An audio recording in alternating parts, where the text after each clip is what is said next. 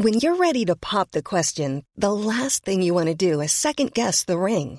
At Bluenile.com, you can design a one of a kind ring with the ease and convenience of shopping online. Choose your diamond and setting. When you find the one, you'll get it delivered right to your door. Go to Bluenile.com and use promo code LISTEN to get $50 off your purchase of $500 or more. That's code LISTEN at Bluenile.com for $50 off your purchase. Bluenile.com code LISTEN. Hiring for your small business? If you're not looking for professionals on LinkedIn, you're looking in the wrong place. That's like looking for your car keys in a fish tank. LinkedIn helps you hire professionals you can't find anywhere else, even those who aren't actively searching for a new job but might be open to the perfect role. In a given month, over 70% of LinkedIn users don't even visit other leading job sites. So start looking in the right place. With LinkedIn, you can hire professionals like a professional. Post your free job on linkedin.com slash people today. Hey, it's Danny Pellegrino from Everything Iconic. Ready to upgrade your style game without blowing your budget? Check out Quince. They've got all the good stuff, shirts and polos, activewear, and fine leather goods, all at 50 to 80% less than other high-end brands. And the best part? They're all about safe, ethical, and responsible manufacturing. Get that luxury vibe without the luxury price tag. Hit up quince.com slash upgrade for free shipping and 365-day returns on your next order. That's quince.com slash upgrade. Hva skal framtida med KrF? Velkommen til Tore og Tarjei, en podkast for ungdom fra dagen.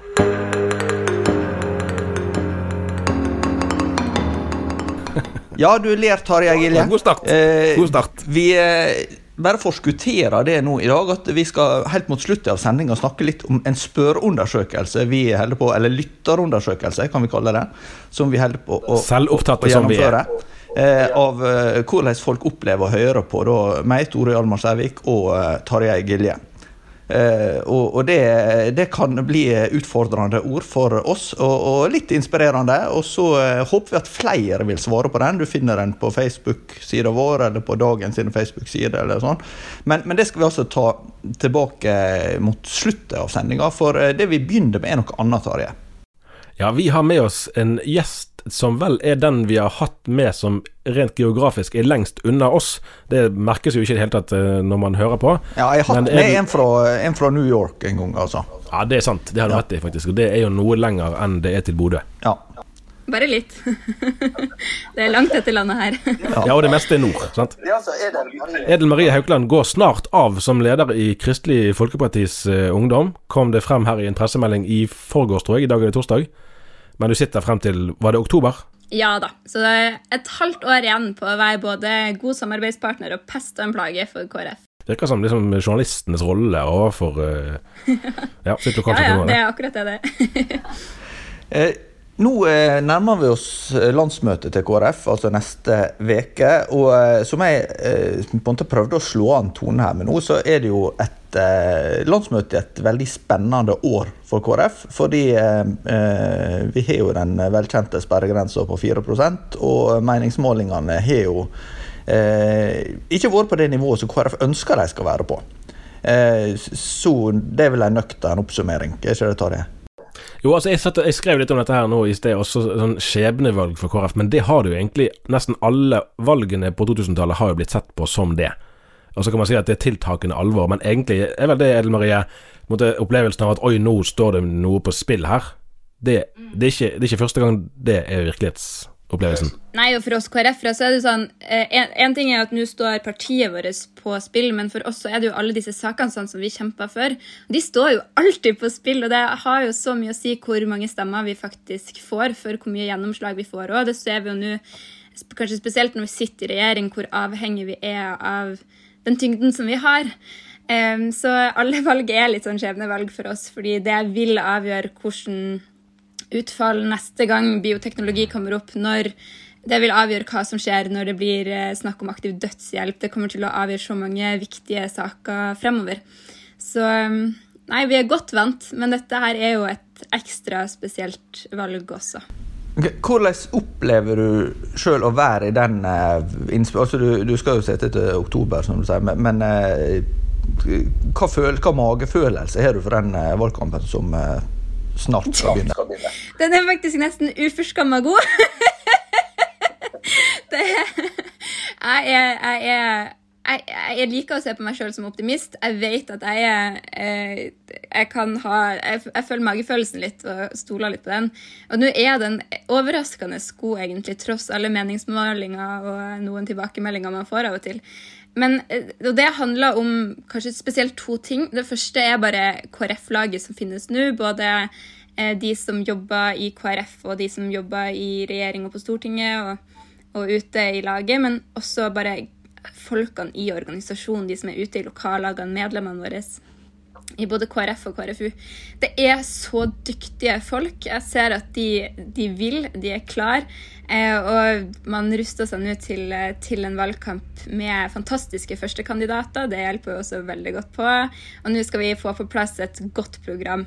Og da er jeg litt sånn OK, men da har vi faktisk gjort vårt. Nå er vi klar for, for valgkamp. Vi er klar også for å for å, å, ta plass på Stortinget. Og kanskje jeg skal være så hårete Jeg har litt sånn hårete mål om at vi kanskje får en ny regjeringsperiode. Men eh, i alle fall så, så, er vi klar for det som kommer. Du sier eh, å, å, få fram de sakene som, som, er viktige for KrF, og som, som KrF er alene om. Hva, hva vil du trekke fram særlig som, som, KrF bør satse på i denne valgkampen? Hva, hva, skal folk se til igjen med at det stemmer på KrF, så er det dette jeg stemmer mm. på? Eh, det er det er ulike ting, og KrF er jo på mange måter et ganske særegent parti. Vi tar, vi tar, eh, Det er jo ikke bare det at vi mener eh, ting som er litt utafor eh, det store flertallet. Men det er også måten vi prioriterer på, som kommer ekstra tydelig frem når vi kommer i regjeringa, på hvilke saker som faktisk blir løfta, og hva som, hva som, er resultatet av KrF i regjering. Men eh, de sakene som, som blir viktige fremover der, tror jeg at eh, det å ha et sentrumsparti, et sterkt sentrumsparti med identiteten sin i sentrum, det opplever iallfall jeg at KrF står veldig godt eh, i en politisk virkelighet som er i alle fall av det jeg ser, eh, mer eh, populisme, mer eh, at man går lengre i å trekke eh, politikken bort fra sentrum. Da. Eh, og det det tror jeg kan gjøre at KrF får en, en styrka plass. Eh, ikke bare i sentrum, men også i norsk politikk. Og så handler det om de sakene som vi, som vi kontinuerlig løfter. og Hvis man skal ta liksom bred pensel på det, så handler det bl.a. om barns beste. Det handler om internasjonal solidaritet. Eh, både bistandspolitikken og klimapolitikken. Og så handler det om at det er et parti som Eh, tør å snakke sant om både hva vi vil, eh, og hva vi gjør. Eh, og det, det ser vi at det ikke er alle partier som, som gjør det heller. Det, så jeg syns KrF det, Jeg tror vi kommer til å vise godt i valgkampen hvorfor vi trengs. Og det er gode grunner til at folk skal stemme KrF.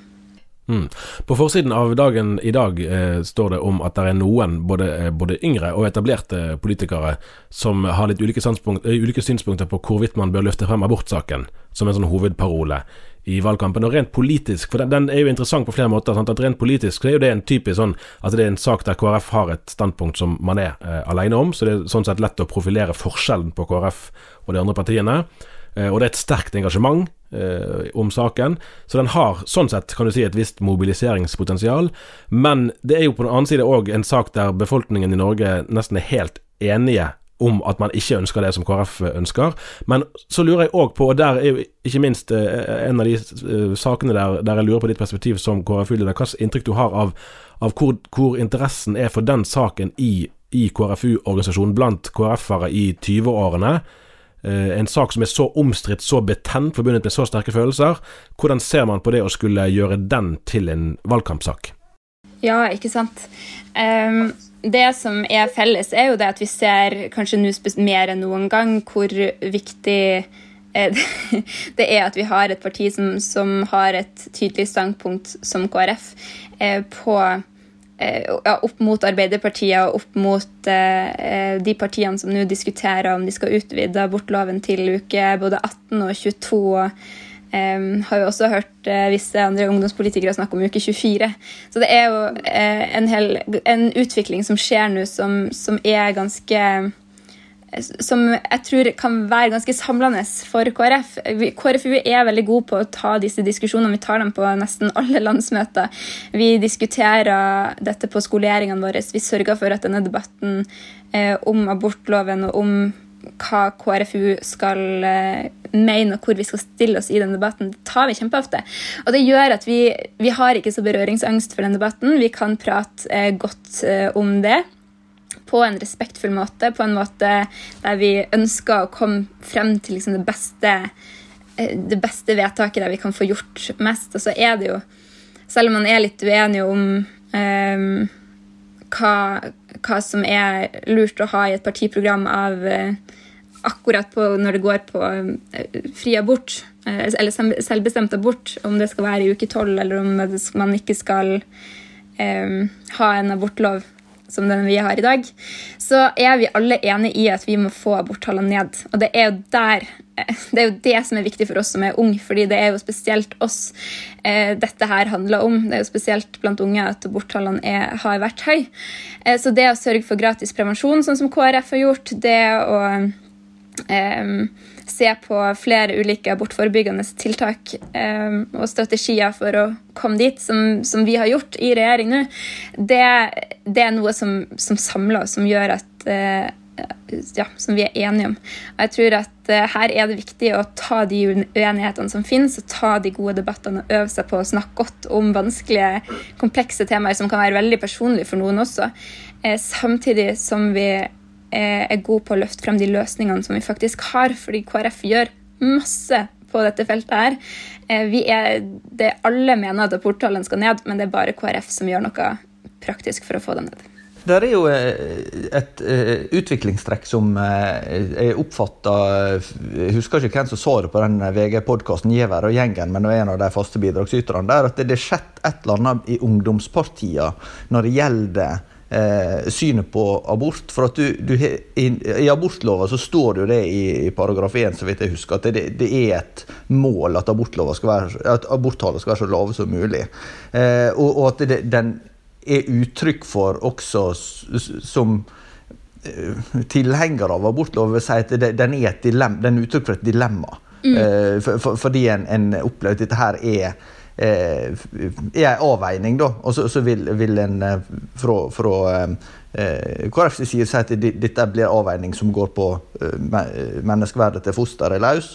Men det andre sier at det, dette er det beste kompromisset vi kan få til. Men, men poenget mitt var at det, det en av de i, i og Engen var inne på, at det virker som i ungdomspartiene, flere av dem, så, så er det dilemmaet mindre påtrengende enn det var tidligere. At den opplevelsen av at dette her er et etisk utfordrende område, at den er ikke så sterk. Og, så er du motsatt også, at du har eh, eller motsatt. Eh, samtidig så, så, så jeg f.eks. fra Danmark at Sosialistisk Folkeparti ville sette abortmotstandere i samme kategori som islamister. For de mener dette her er så ekstremt å, å være imot abort. Eh, og, og du lurer på hvordan opplever du at klimaet er for å En ting er hva du kan diskutere i KrFU, men en annen ting er i, i storsamfunnet, og særlig med andre ungdomspolitikere. Ja, et, et, for meg så jeg jo litt sånn eh, brobygger. Eh, det, det, det, er noe jeg ønsker å være spesielt på spørsmål som det her. Fordi eh, det er min store frykt at hvis vi eh, Litt sånn som vi ser nå, da, at, at det blir en sånn stor eh, at man på en måte skal dra litt i hver sin retning, at det blir en sånn dragkamp eh, om abortloven, så er det min store frykt at, eh, at det blir en utvidelse til slutt.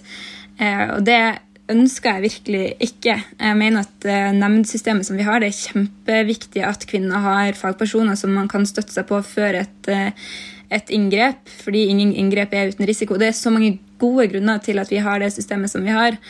Um, så hvis man for meg så har det alltid vært viktig å, å på en måte eh, At folk skal forstå hvorfor jeg mener sånn som jeg gjør. at dette her, fordi jeg vet at eh, for mange så er dette her et eh, sårbart tema som går rett inn i egenopplevde eller opplevelser som man har tett på. Og det, det å nærme, tilnærme seg dette som et vanskelig dilemma, som man ikke har berøringsangst for. Jeg er ikke redd for å snakke om abort, jeg er ikke redd for å stå for det jeg mener, men jeg er eh, oppriktig interessert i at eh, den jeg prater med, skal forstå hvor jeg kommer fra, mitt perspektiv inn i dette. At det eh, ja, at, at, man åpner opp for de litt større debattene, at man ikke tar det helt ned på enkeltpersonnivå. For det tror jeg også er noe av, av det som er utfordrende med disse debattene. her. Det blir fort veldig personlig. Eh, og det å klare å løfte debatten på et sånt samfunnsnivå, og at man snakker om dette som eh, på et litt høyere plan, eh, snakker om etikken i det, snakker om de praktiske konsekvensene dette vil få i samfunnet vårt, da har jeg opplevd at det går bedre. men, men, jeg har samtidig sett Jeg vet jo at det er folk som opplever kommentarfelt, som får meldinger, som får mye grums tilbake eh, etter å ha vært i sånne her debatter. Og det, det gjør meg urolig, fordi ja, hvis vi, vi, vi, må ha åpenhet for ulike meninger, så kan vi mislike dem så masse som vi vil, men eh, den åpenheten for, for, de samtalene der, det krever også at vi er eh, rause, og kanskje rausere enn vi av og til tror at vi klarer å være. Etter min mening og etter min erfaring så må du ikke bare være en god musiker for å lede lovsang. Det du trenger, det er jo å være en som kan lede andre. Fra høsten av oppretter vi et helt nytt studium for deg som ønsker å bruke musikk aktivt i tjeneste. Bachelor i musikk, menighet og ledelse. Hvis du liker å jobbe med mennesker, har Asker høgskole i Kristiansand flere spennende studier. Finn ut mer på ahs.no. Vi gjennomførte jo en undersøkelse i dagen i 2019 eh, knyttet rettet mot eh, de som går til kirke en gang i måneden oftere, eh, cirka. Eh, og ut fra litt sånn utregningene der, så, så tror jeg jo For der er ca. jeg tror det var 55% eller sånt som stemmer på Kristelig Folkeparti blant de som går aktivt til kirke. Og det er jo ingen som vet nøyaktig hvor mange det er i den gruppen. Eh, men ut fra de anslagene vi har, så kan det se ut for at det er et ganske stort sammenfall mellom de som går jevnlig til gudstjenester og kristne møter, og som stemmer på Kristelig Folkeparti. Eh, jeg tror jeg skrev litt sånn muntert i en kommentar at jeg egentlig lurer på om det er et kristelig kirkeparti. Eh, Med forskjellige forgreininger, for det, det, er ulike deler av kristenheten, men at det likevel er i stor grad til kirkeaktive man appellerer. Og, og, og Vi trenger ikke å, å, snakke bare om abortsaken, men det er jo ett av flere saksfelt der det er en viss sånn sammenheng òg at det er noen standpunkter som er veldig etablert i aktive kristne miljø, men som er helt og mer og mer da, i konflikt til samfunnet rundt. Eh, og Hvis man er da et, i praksis blitt et kristelig kirkeparti, så sier jo det òg noe om vekstpotensialet. Jeg lurer på hva du tenker om det? Jeg tenker jo bl.a. på ja, bare det vi har sett nå i det siste, da, med debattene i Arbeiderpartiet og i SV om eh, Hvis vi skal fortsette på, på abort, så, så, ser vi jo at eh, ja, det er med at man skal utvide selvbestemt abort til uke 18, det er jo ikke et folkekrav som ligger altså sånn, det er jo ikke et folkekrav som ligger i bunnen for det. Det er ikke sånn at det har et overveldende stort eh, flertall i samfunnet som, som, ønsker det i det hele tatt. Tror jeg det er veldig mange som kjenner på at eh, der det går en grense der eh, for dem, selv om de ikke kanskje er enig med eh, KrF sitt eh, primærstandpunkt på, på akkurat dette her, så så tror jeg at det finnes, eh, finnes, et stort potensial. Og så kommer det, det kommer jo flere debatter. Vi så det med bioteknologi også. Når man får um, Det er ikke bare sånn at det er de kristne som, som skjønner dilemmaene her.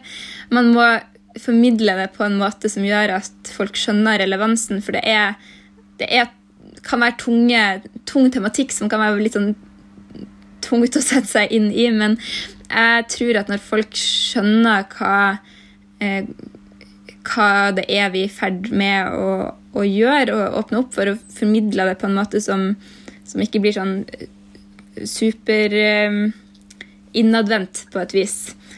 Ja, men hvordan er det du skiller det med, med kommunikasjon og sånne ting som blir uh, 'preaching to the choir' som sier på, på engelsk, og, og, hva som er utadvendt og tilgjengelig forståelig for mennesker som, som ikke er interne? Mm. Nei, altså sånn, for eksempel I bioteknologi så, så var det, det mye Det er mange fagbegreper. Sant? Det er er ulike tester, og det er ulike grenser. og det, det, er viktig å ta debatten på det nivået òg.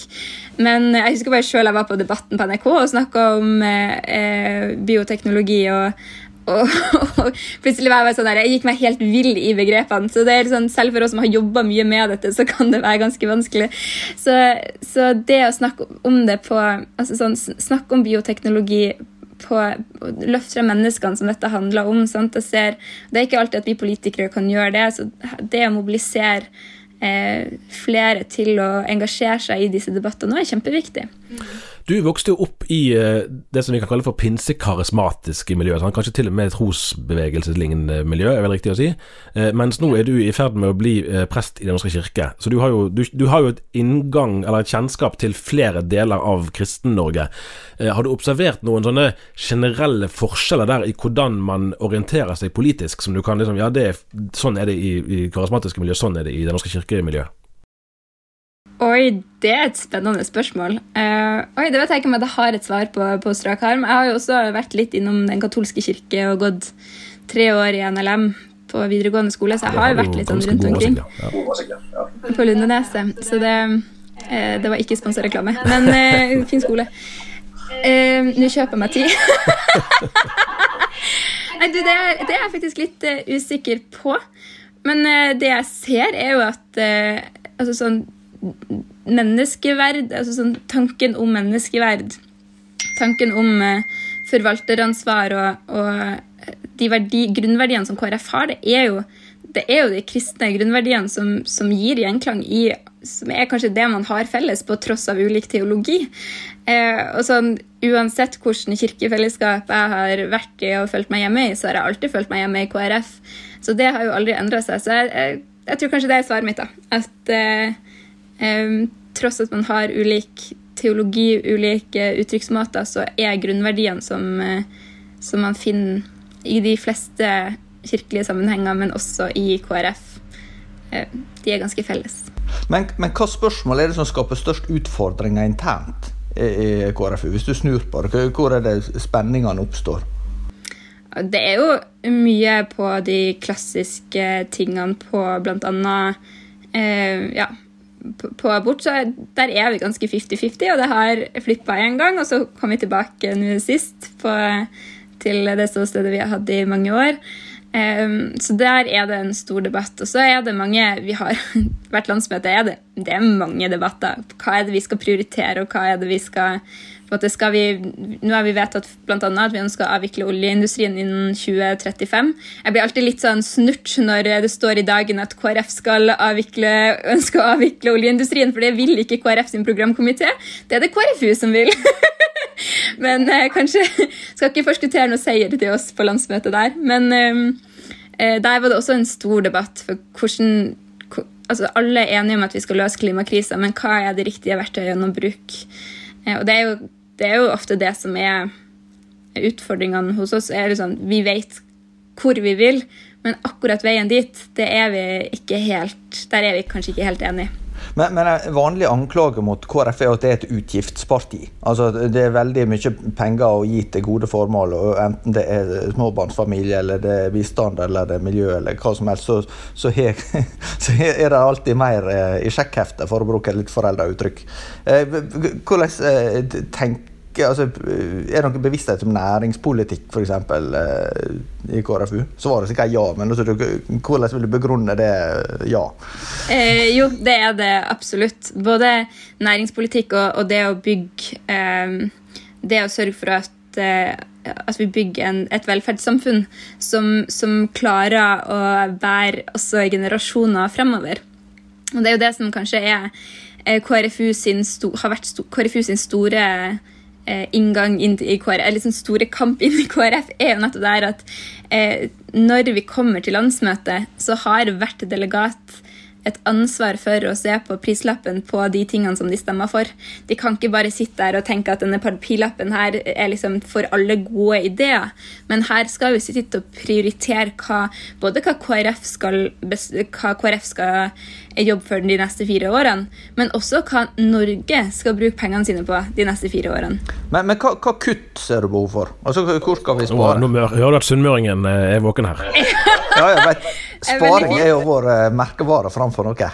KrFU har bl.a. sendt inn eh, forslag om eh, kutt i sykelønna ned til 80% og det at man skal bruke de pengene vi får, det overskuddet man får der, til eh, å gi til de som har eh, ekstra behov, altså sånn de som har behov for eh, lengre sykemelding eller for bedre tilrettelegging. Eh, det er en av de tingene som kommer til å komme opp på landsmøtet nå. Men i det store bildet så handler jo også dette, hvis jeg kan dra inn klimapolitikken, så er jo klimapolitikken handler jo om at eh, for hver dag vi nøler med å gjøre et, et, et eh, klimatiltak, hver gang vi, vi velger grå i stedet for grønne løsninger, så skyver vi en stadig større prislapp over på neste generasjon. Det kommer bare til å bli dyrere og dyrere å, å løse klimakrisa. Det Så dette... det, er, det, henger sammen. Akkurat. Er det, er det, går det an å si noe f.eks. om at uh, miljøspørsmål i, de som, i den generasjonen som nå dominerer KrFU, at det egentlig er det som er blitt Altså det som man tidligere kalte for bekjennelsesspørsmål i teologisk sammenheng. Altså, altså for, for abortsaken har jo vært antagelig en sånn at folk som kunne ellers vært både Høyre-velgere og kanskje SV-velgere, stemte KrF fordi tross alt abortsaken står der. Eh, så har vel den saken mistet noe av sin mobiliseringskraft. Mens for de som nå er 20 år og, og der omkring, Eh, så får jeg inntrykk av at, eh, av at miljøansvaret, som jo òg knyttes til forvalteransvaret, sant? grunnleggende i KrF, det òg, at det er egentlig det som oppfattes mer som sånn innenfor og utenfor. Hvis du ikke bryr deg om det, da passer ikke du inn her.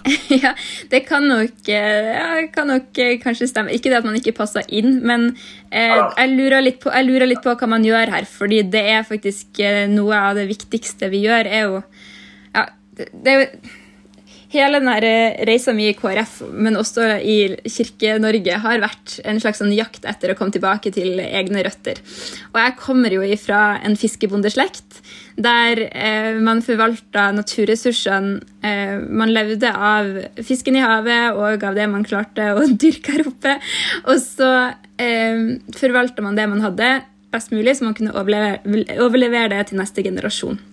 Og det er jo akkurat det som er KrF sin hovedoppgave. Det er å sørge for at vi har en jordklode, at vi har en økonomi, at vi har menneskelige ressurser altså sånn, Også at menneskene har, har det bra eh, og kan overleveres til neste generasjon. Eh, kanskje i bedre stand enn den vi fikk det til sjøl. Og så ser nok vi ungdommer at vi opplever at eh, de perspektivene der forsvinner litt. De, de lange linjene forsvinner i eh, daglige, den daglige politikken. Hva skal vi prioritere akkurat nå, hva skal vi prioritere i år? Men vi trenger faktisk at vi prioriterer ikke bare for dagen i dag, men for de neste 50 årene. Men Somme vil jo si at, at eh, hvis du tenker på, på, klimapolitikk, så er det jo noe som alle kjemper om å være best på. vi skal ikke nevne unntak, men det finnes jo, finnes jo kanskje unntak. Men, men men eh, det, det, kan jo virke som en vanskelig sak, altså uavhengig av hvor viktig en mener den er. Så, så kan det virke som en vanskelig sak å virkelig mobilisere på. Når alle, altså det er litt sånn, når alle prøver på det samme, hvor lett er det da å skille seg ut?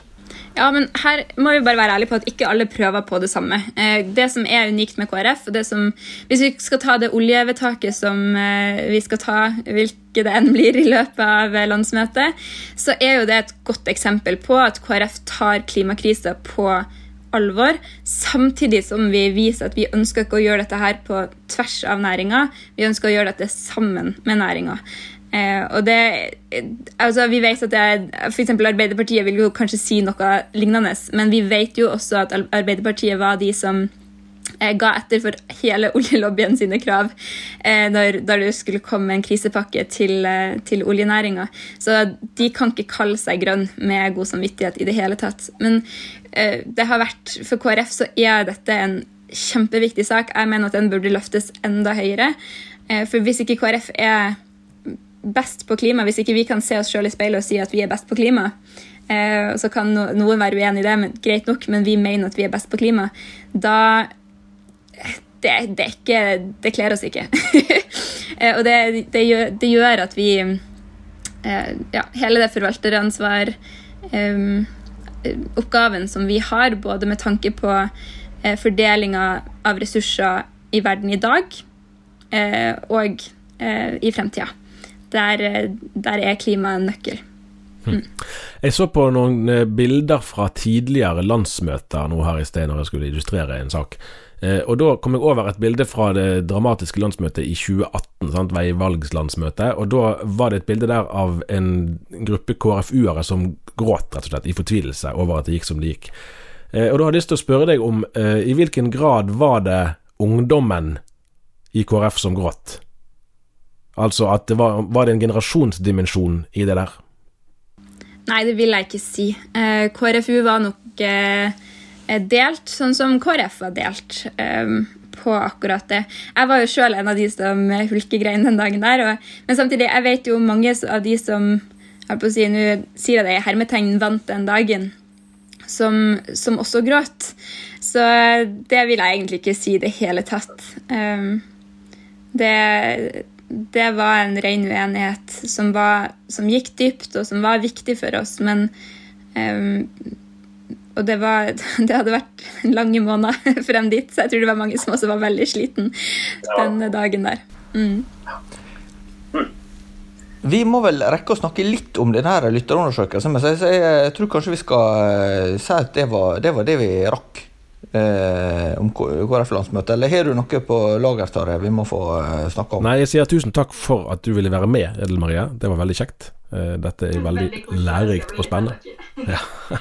Vi treffes digitalt neste helg, tror jeg, men det, det er jo begrenset hvor mye opplevelsen av å treffes egentlig gjennom man er blant mange hundre på hver sine skjermer. Men sånn er altså livet enn og ennå en stund. Ja, eh, jeg vil sitere, som jeg før har gjort, eh, Aftenposten sin kommentator Frank Rossavik. Som eh, da eh, Tore og Tarjei ble lansert, eh, skrev som følger på Facebook. Når selv dagen begynner med podkast, har trenden vart lenge nok og, og, det har vi hatt som et slags motto med oss hele, hele veien her. Og nå er vi, nå er vi kommet dit at vi, vi, også vil spørre lytterne våre litt om, ærlig, sånn helt ærlig fra, fra levra, hva, hva de syns om vår podkast. Ja, det er riktig. Eh, vi, eh, vi, er jo alle begrenset i vår både Selvinnsikten er jo særlig begrenset hos oss alle, men òg i forståelsen av omgivelsene. Sånn at vi trenger å høre flere tilbakemeldinger fra de som eh, har hørt på gjennom disse nå to og snart et halvt årene vi har holdt på. Så det ligger, der ligger en, Vi legger inn en lenke i den følgeteksten til denne episoden, og, og, flere muligheter på nettsiden til dagen sånn for å finne den. Shownotes, Show som, som du har lært meg at det heter. Du er jo veldig sånn internasjonal og moderne.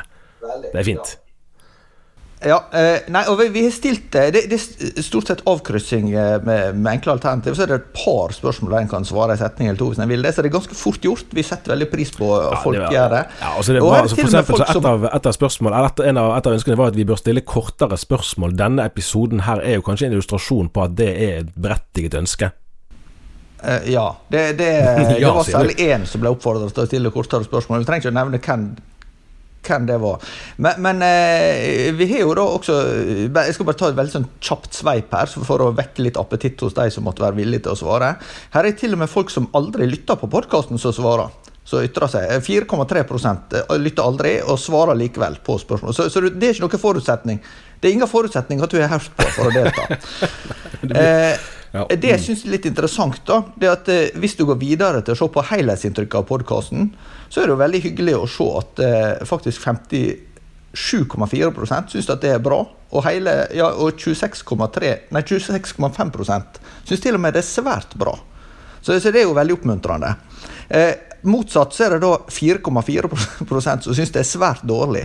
Men jeg bare minner på at det er 4,3% som aldri hører på. Så jeg mistenker at det er et sammenfall der. Eh, og så og så eh, er det jo litt sånn spørsmål om litt tekniske ting, og hvem du syns den er laga for. Eh, det er bl.a. spørsmål om du syns den er laga mer for menn enn for kvinner. Det er det 11,6% som syns. Men det er altså 0% som syns den er laga mer for kvinner enn for menn. Så det er vel også entydige funn. Men det største det er folk som er interessert i, i kristent liv. Det er, liksom, det er over 80 som syns det virker til å være laga for den gruppa, og det er jo det er brukbart treff. Og vi regner med at, eh, at andelen besvarelser de blir doblet etter dette innsalget? Ja, det, det håper jeg. Eh, og så er det også sånn så at vi, er villige til, vi er villige til å få laget flere sånne kopper som vi hadde før jul. Ja, vi delte ut noen kopper. Det kan vi, vi kan komme til å komme et nytt opplag. Eh, av ti, nesten, syns både lengda på ca. en halvtime og frekvens en gang i veka er passelig. Så det, du, er du uenig i det, så må du gjerne ytre deg om det. Eh, og så tenkte jeg kanskje vi skulle se litt på eh, Vi prøver å spørre litt om det med tema og hva som er interessant. og sånn. Det, det spriker jo litt. Det er kanskje et, en indikasjon på at vi har lyttere som ikke er ei sånn eh, uniform masse. da. Som vil eh, ha mer eh, måte, kontroversielle uh, gjester i dagens sammenheng. Mer folk som er uenige med dagen som gjester. Mens andre vil ha mer gjester som er enige med dagen. Eh, flere setter pris på at vi var rundt omkring i landet på vår turné, som ennå ikke er avslutta. Eh, det er jo hyggelig å høre. Og så eh, var en den, den tror jeg nesten jeg måtte lese. Han, han, eh, her er det to etter hverandre, så jeg vil lese i sin helhet. Eh, den første han skriver De aller fleste episodene er veldig interessante. Den neste han skriver Uinteressant. Generell synsing. Tore og Tarjei virker begge konfliktsky. Dermed blir synsingen mye svada. Så her er det litt, litt forskjellig. Eh, og så tenkte jeg Det var en som ble litt Det er slett ikke alltid at det er de som er mest sjenerøse uh, med rosen, som har rett. Nei. Det, det, var en her også som vil ha flere interessante gjester på besøk. Mindre mas og kjas. Og en skrev det kan til, den kan av og til bli for intern, bør utfordre mer. Eh, og, og, så tenkte jeg på til slutt jeg skal, skal lese alle svarene, du? Ja, jeg, jeg har lest litt, litt gjennom her. Eh, jeg må nesten ta den her til slutt. Det er som å være på et bedehusmøte og lytte til en kjedelig tale som talerne selv bærer preg av, og være seg bevisste at dette er viktig kunnskap som jeg ikke har behov for.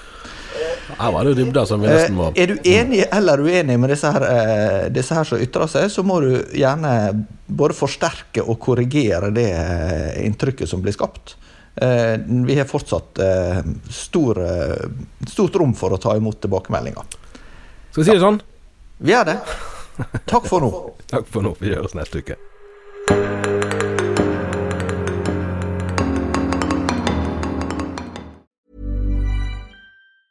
Hi, I'm Daniel, founder of Pretty Litter. Did you know cats tend to hide symptoms of sickness and pain? I learned this the hard way after losing my cat, Gingy. So I created Pretty Litter, a health monitoring litter that helps detect early signs of illness by changing colors, saving you money and potentially your cat's life. Pretty Litter is veterinarian developed, and it's the easiest way to keep tabs on your fur baby's health right at home. Go to prettylitter.com and use code ACAST for 20% off your first order and a free cat toy. Terms and conditions apply. See site for details. Planning for your next trip? Elevate your travel style with Quince. Quince has all the jet setting essentials you'll want for your next getaway, like European linen, premium luggage options, buttery soft Italian leather bags, and so much more. And is all priced at 50 to 80% less than similar brands. Plus, Quince only works with factories that use safe and ethical manufacturing practices. Pack your bags with high-quality essentials you'll be wearing for vacations to come with Quince. Go to quince.com slash pack for free shipping and 365-day returns. Hey, it's Paige DeSorbo from Giggly Squad. High quality fashion without the price tag. Say hello to Quince.